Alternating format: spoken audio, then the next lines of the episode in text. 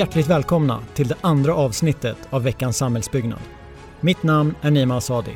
Låt oss köra igång med nyhetssvepet från vecka 34.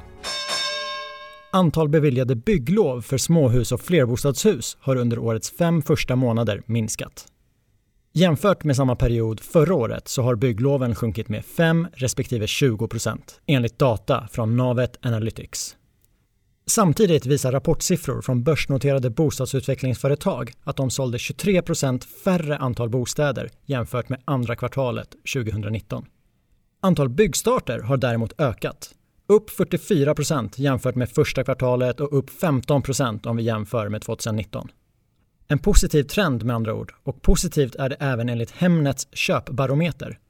Från en väldigt pessimistisk syn från mitten av mars och framåt så visar siffror från augusti att det återigen är fler som tror att bostadspriserna stiger framöver än tvärtom.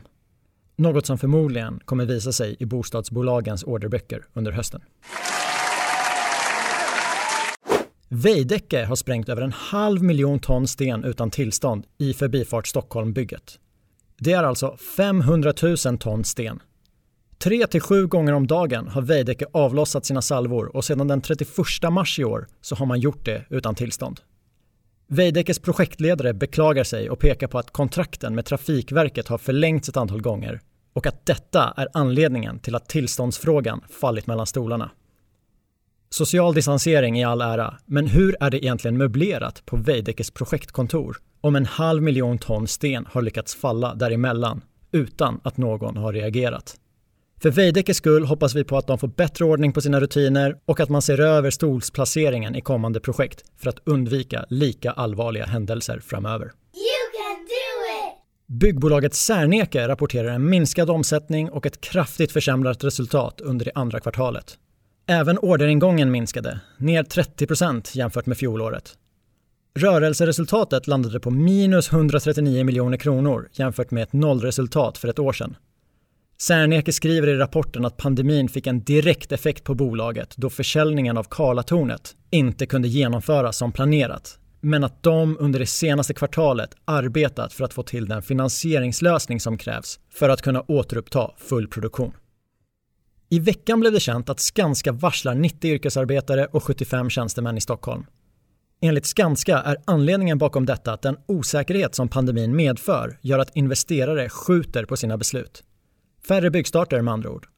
Just nu pågår förhandlingar mellan fack och arbetsgivare och även om förhoppningen är att kunna omplacera så många som möjligt inom andra delar av Skanska så är detta inget som kan garanteras. Även Peab har varslat, om än i lite mindre skala. Totalt 17 yrkesarbetare i Region Bohuslän är berörda. Tråkiga nyheter såklart och vi hoppas verkligen att det snabbt vänder för de båda bolagen. Liberalerna vill återstarta ekonomin genom att låta Stockholmsområdet bli en testbädd för en frihetligare syn på regler och krav i bostadsbyggandet. I sitt utlägg lyfter Liberalerna fram att det finns beräkningar som visar att krav och regler driver upp hyror med cirka 2 000 kronor per månad.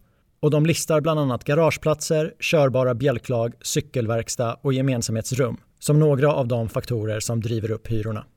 De skriver vidare att det borde vara tillåtet att sälja tomma lägenheter, det vill säga lägenheter utan innerväggar, kök och garderober och där den boende själv får ordna med dessa delar samt nämner innovativa tekniklösningar för att tillgänglighetsanpassa. Dock inga exempel på vad det skulle kunna vara. Jag vet inte. Dels hade jag gärna velat se hur de har kommit fram till siffran på 2000 kronor per månad. Och sen så tror jag även att man ska vara försiktig när man vill ta bort krav och regler Precis som med bilar vill vi väl ändå att det som produceras idag ska vara bättre än det som producerades för 50 år sedan. Och där tror jag att krav och regler har en stor del i utvecklingen. Men men, om det är någon från Liberalerna som lyssnar får ni gärna skicka över underlaget. Ilja Batljan gick i veckan ut och svingade mot fastigheter med fokus på detaljhandel. Vi läser upp ett citat. När det gäller trygga tillgångar ser vi en stor konkurrens bland investerare kring svenska hyresrätter och samhällsfastigheter. När det gäller kontor är marknaden fortfarande tvekande och har inte bestämt sig vilket scenario man ska tro på. När det gäller retail håller det på att fullständigt kollapsa. Ilja spår att hyresinbetalningar för detaljfastigheter kan ha fallit med så mycket som 50% Om detta stämmer väntar en jobbig höst för en rad fastighetsbolag. En av landets värsta flaskhalsar för tåg är nu upprustad och i måndags invigdes den nya så kallade Getingmidjan i centrala Stockholm. Sträckan mellan Stockholm central och Stockholm södra, som av Trafikverket beskrivs som Sveriges mest trafikerade, har varit avstängd tre somrar i rad. Men nu är allt klart och tågen kan rulla som vanligt. Detta är väldigt positivt eftersom att ett problem på Getingmidjan påverkar 80% av all tågtrafik i landet. Kostnaden väntas landa på cirka 3,2 miljarder kronor. Så där, dags för veckans topp 3-lista. Den här veckan med temat hållbara branschnyheter. Nummer 1. Hilti lanserar exoskelett för byggnadsarbetare. Ett exoskelett är en ny yttre stödstruktur som förstärker människans krafter. Det kan både vara rent avlastande eller också förses med hydraulik och krafttillförsel. Ett riktigt bra hjälpmedel för att undvika skador och arbetssjukdomar. Eller ett steg mot en robotiserad byggarbetsplats. Ni får avgöra själva. Nummer två. Kramo har beslutat att ersätta all diesel med biodrivmedel. Enligt siffror från Kramo kan detta leda till ett minskat klimatavtryck på 85-90%. Om detta stämmer så är det väldigt bra nyheter och vi får då hoppas på att alla som kan och som inte redan har gjort det tar efter Kramo och byter ut dieseln. Nummer tre. Vätterhem ska bygga två flerfamiljshus med sammanlagt 44 lägenheter som ska vara helt självförsörjande.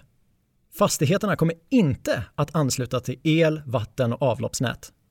Totalt i projektet byggs fyra fastigheter med sammanlagt 88 lägenheter.